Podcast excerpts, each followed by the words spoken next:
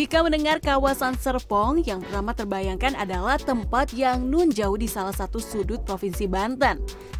Lokasi yang jauh dari mana-mana. Namun, saat ini orang-orang mengenal Serpong sebagai kawasan elit.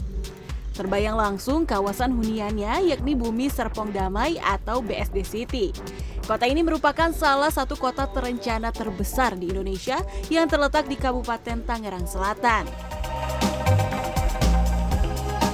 Layaknya kota maju pada umumnya, sudah tidak ada lagi kabel-kabel listrik yang menjuntai bergelantungan sehingga menambah kesan rapi kawasan ini.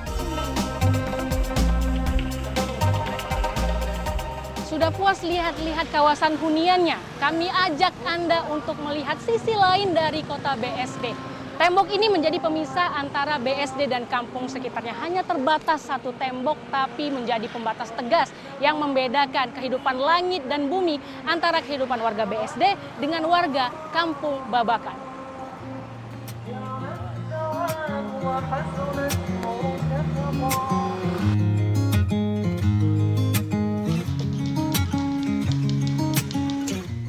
Kampung Babakan ini berada persis di samping BSD City. Kampung ini merupakan salah satu kampung yang masih otentik di tengah-tengah kemodernan kota BSD. Rata-rata mereka yang tinggal di sini adalah generasi penerus dari orang-orang yang dulu menjual tanahnya ke pengelola BSD City. Salah satunya adalah orang tua Haji Acing.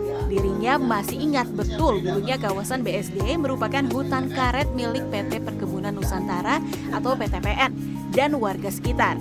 Sehingga pekerjaan utama warga sekitar kala itu adalah petani karet. Ya bang seluas dari Periang, kampung Periang tuh ke sini, Bon Karet ke sebelah sebelah barat, sampai ke Cilenggang, ke Serpong. Ke Serpong mah nggak ada, cuma sampai Cilenggang itu, sebelah jalan tol lah.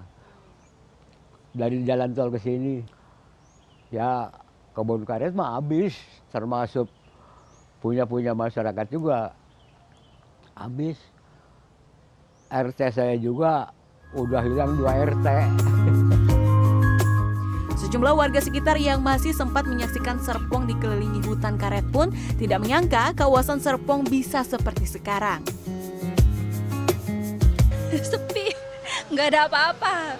Sepi banget nggak nyangka sama sekali. Waktu dulu saya 96 itu kan teman-teman di Jakarta semua tuh kayak yang ter apa ya terpojokan gitu. Nggak mau jalan ke Jakarta juga jauh susah gitu kan. Tapi sekarang aksesnya luar biasa sih. Saya masih kecil ya masih SD jadi kayak hutan sepi gitu. Jadi ke mana-mana tuh susah jauh karena angkot juga satu jam sekali tuh baru ada angkot gitu.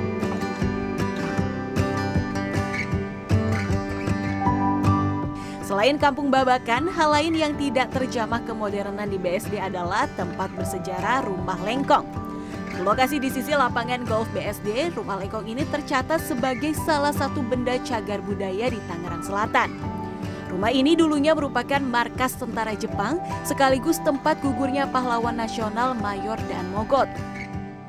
Menurut Koramil Serpong, hingga kini semua bagian dari rumah ini masih otentik, belum ada bagian yang diganti.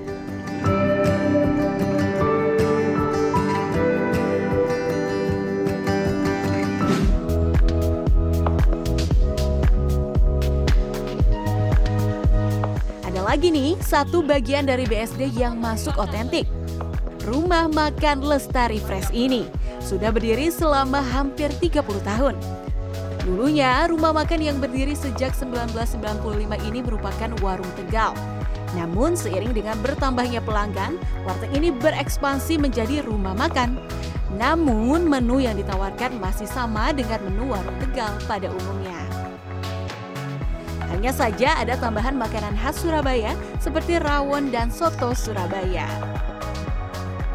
Setiap jam makan siang, warteg ini menjadi salah satu tempat pilihan makan bagi karyawan di sekitar BSD. Warteg saat ini dijalankan oleh generasi kedua. Menurut pemilik warteg, usahanya ini beromset bersih sekitar 7 juta per hari.